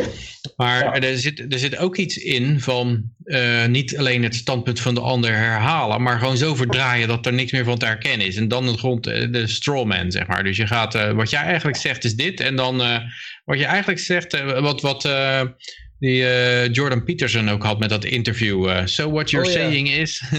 dus eh, hij, hij vertelt een verhaal en dan. eh, so what you're saying is you want all, all people to die. En dan eh, nee. dus eh, ja, dat, dat zie, tref je ook heel vaak aan natuurlijk. Reframing, of rephrasing, ja. Mm, Nou, You want people to die is ook zoiets, hè. Dan, eh, eh, wij willen deze snelweg, eh, dat deze snelweg aangelegd wordt en iedereen die te- tegen zegt is, so you want people to die.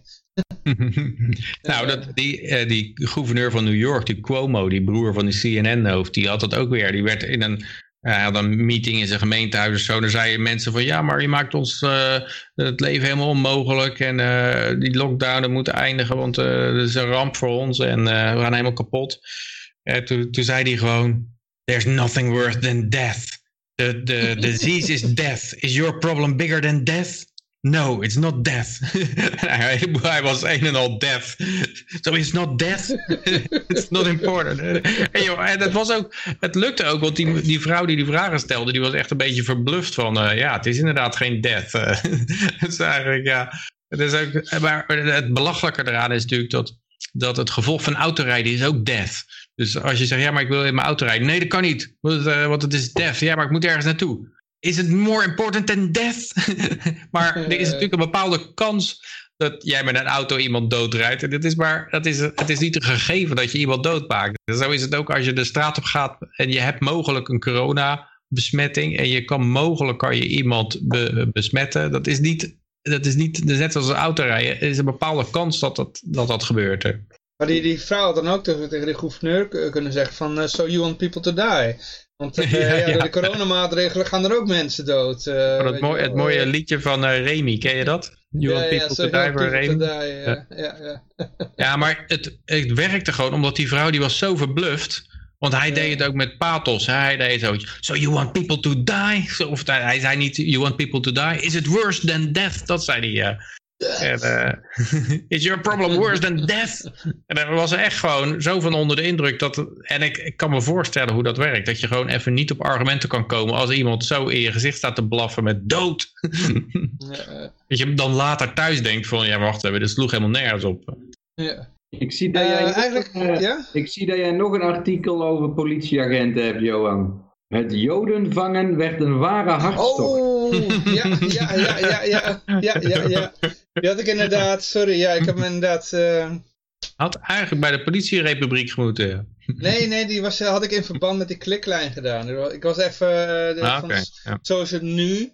En zo ging het vroeger, want er wordt, met die, er wordt heel vaak NSB genoemd als het gaat om die kliklijn. Dan moeten we weer even terug naar waar we het in eerste instantie over hadden, de kliklijn. Eh, die, waren dus de, de, die, die, die 37% die dan tegen de kliklijn was, die had dan vaak als argument van, eh, ja, nou ja, die haalde NSB de Tweede Wereldoorlog erbij. Om een eh, argument te versterken. Dus ik heb even bij de, deze website was van nou, een historisch nieuwsblad of zoiets. Ehm, die, halen, al- die halen iedere keer wat dingen uit het verleden op. Die hadden een artikel over, dat ging over de kolonne Heineken. Eh, heeft verder niks met het biermerk te maken. Eh, dat was een private opsporingsgroep die dan eh, betaald werden voor het, of die kregen een beloning van de Duitsers als ze dan Joden hadden gevonden. Dus het was zo, dus je werd dus financieel beloond als je iemand verklikte. Of als je eh, een- Jood had gevonden. Maar wat ze ook mochten doen was, als dan ergens een razzia was geweest, dan gingen ze het huis leeghalen van de, van de, opgepakte Joden. Of van de, de mensen die dan onderduikers hadden, dan mochten zij het huis leeghalen. En eh, er zat vaak een flinke beloning voor hun in. Dus eh, voor die tijd eh, konden ze er goed van leven. Maar als je dan ook gaat kijken naar die persoon die dan die eh kolonne Heineken eh leidde. Dat was de ene meneer Heineken. Man trouwens die stateloos was. Had geen nationaliteit. En die, eh, dat was echt totale mislukkeling. Van eh 12 ambachten, 13 ongelukken. Dat was zijn leven tot aan de Tweede Wereldoorlog. En die is toen eh, eigenlijk als eh, in de Tweede Wereldoorlog opgeklommen als een beetje de, de, de grootste hielelikker van de Duitsers. En hij heeft het einde van de Tweede Wereldoorlog trouwens niet meegemaakt. Die is eh, door het verzet omgebracht. En, maar ja, dat was een... ja, dat was een man die leefde eigenlijk alleen maar van het verklikken. Maar ja, in ieder geval de reden dat ik dit aanhaalde was om even duidelijk te maken van... In de Tweede Wereldoorlog werden mensen dus financieel eh, beloond voor het verklikken. Ja, en er staat dat een ja. duizend gulden verdienen ze soms in één week. Nou, voor die Ja, tijd, Heel dat veel. echt gigantisch natuurlijk. Echt, en gezamenlijk arresteerden ze meer dan 15.000 Joden. Ze waren uit op geld en op Joodse bezittingen. De kolonne Heineken en daarvoor vrijgemaakt politieagenten. Die vooral in de zomer van 1943 op ondergedoken Joden joegen. Maar de meeste waren vooral hardgrondig antisemiet. Die, wie waren deze mensen die het vuile werk voor de Duitsers opknapten? Dus inderdaad, heel politie. En eh, ja, kennelijk zit er een financieel motief bij, maar ook vaak een eh, ideologisch motief. Ze hadden eh, ook het idee dat ze de maatschappij beter aan het maken waren. Mhm. Aan het eh, zuiveren waren van eh, foute elementen. En dat, Nou, ja, dat, was op dat dat is- moment toch ook zo. In de maatschappij die ze toen hadden, was dat toch ook het beeld wat geschetst werd. Dat de maatschappij er beter van werd. Ja, dat was, eh, de, wat, hoe noemden ze dat in Duitsland ook alweer? De, eh, de, de, ja, de zuivering, hè? de raszuivering. Het ras Ja. was vuil geworden en dat moest gezuiverd worden. En, en ik denk dat dat toch wel in zekere zin hetzelfde is als die mensen die van die kliklijn, die zie je net van, eh, ja, ik, vind, ik ben in principe tegen, maar ik vind het volksbelang of het gezondheid, volksgezondheidsbelang groter wegen. Dus dat, daar, daar ben je ook met een positief doel bezig. Die mensen die hebben allemaal een, een, het idee dat ze de maatschappij beter aan het maken zijn door hun gedrag. Maar het, ook vaak, eh, het werd vaak ook onderbouwd hoor. Met, eh, die, die hele antisemitisme leer was ook helemaal onderbouwd met, met de vage Ja, wetenschap. Nee, Nee, wetenschap. helemaal zat helemaal geen wetenschap in hoor. Er was het, je had toch, de, je had toch ja, je had die euge- eugenics en dat soort dingen. Ja, dat, was, dat, ja, had, dat had een wetenschappelijk cachet. Voor die tijd dan tenminste. Hebben ze heel moeilijk mee gehad, Peter, om dat te bewijzen, eh, de nazi's. Ja, natuurlijk, maar het is met, Snap eh, dat is met klimaatverandering ook zo. Hè? Dat is niet te bewijzen. Precies, maar ja. Ja, maar de, de- wat er wel eh, daarbij gebeurde, is dat in de, in de Weimar-republiek natuurlijk in de hyperinflatie die daar gebeurde, kon heel veel buitenlands kapitaal, kon Duitse assets overkopen of opkopen. Ja. Dat, dat was gewoon goedkoop geworden. En eh, volgens mij was een van de maatregelen van Hitler om de boel te nationaliseren, is om dat te voorkomen, dat heel Duitsland werd opgekocht. Nou ja, wie hebben er geld? In het internationale bankwezen, wie, wie doen dat al fucking eeuwen? Nou, dat waren ook Joden. Eh, de, grondslag om inderdaad eh, de Joden aan te wijzen en, en een, volks, volksaard te, te genereren die dan tegen het Jodendom is, had ook deels zijn wortels in het feit dat er dus veel ja, bedrijven die eh, in Duitsland niks meer waard waren geworden, gewoon konden worden opgekocht. Door Ja, kapitaal uit buiten niks. dat, dat zal ongetwijfeld een gedeelte geweest zijn, eh, jaloezie, eh, ehm, Joden. Het rare is altijd dat, ja, Joden hadden toen veel, veel geld, maar dat waren ook maar sommige Joden. natuurlijk ook een heleboel arme Joden. Ja, Toch Mhm. waren ze, ja, waren ze allemaal eh, de Je had, sjaak. ook, eh, je, je had ook heel veel, eh, tenminste ook mensen in Pruisen die heel rijk waren. Het wa- waren misschien procentueel net zoveel als dat er eh, rijke joden waren van alle joden, weet je wel. Dus Ja. het is, eh, Ja. wordt dan, Maar het- het had in ieder geval- gaat- Ja? Het had in ieder geval alle kenmerken in zich. Het was een economisch motief, er zat een wetenschappelijk sausje over, er zat een... eh, Mm. Ja, een, eh, een, en, en veel communisten waren natuurlijk ook heel erg eh, op de communistische hand. En dat zullen dan wa- waarschijnlijk de arme joden geweest zijn. Want eh, hij heeft ook, eh, Hitler heeft ook veel gebruikt van ja, die, eh, die communisten die, die hebben een vijfde kolonne van communisten in ons land. En die komen al jullie bezittingen afpakken. En daarmee heeft hij heel veel rijke industriëlen aan zijn kant gewonnen. Van ja, jouw fabriek gaat genationaliseerd worden als de communisten het worden. En, en ja, er zaten ook veel, eh, veel joden in het communisme. Dus als dat jij als was- industrieel eh, zeg maar jouw eh, fabriek wilde houden, moest je wel lid worden van de NSDAP.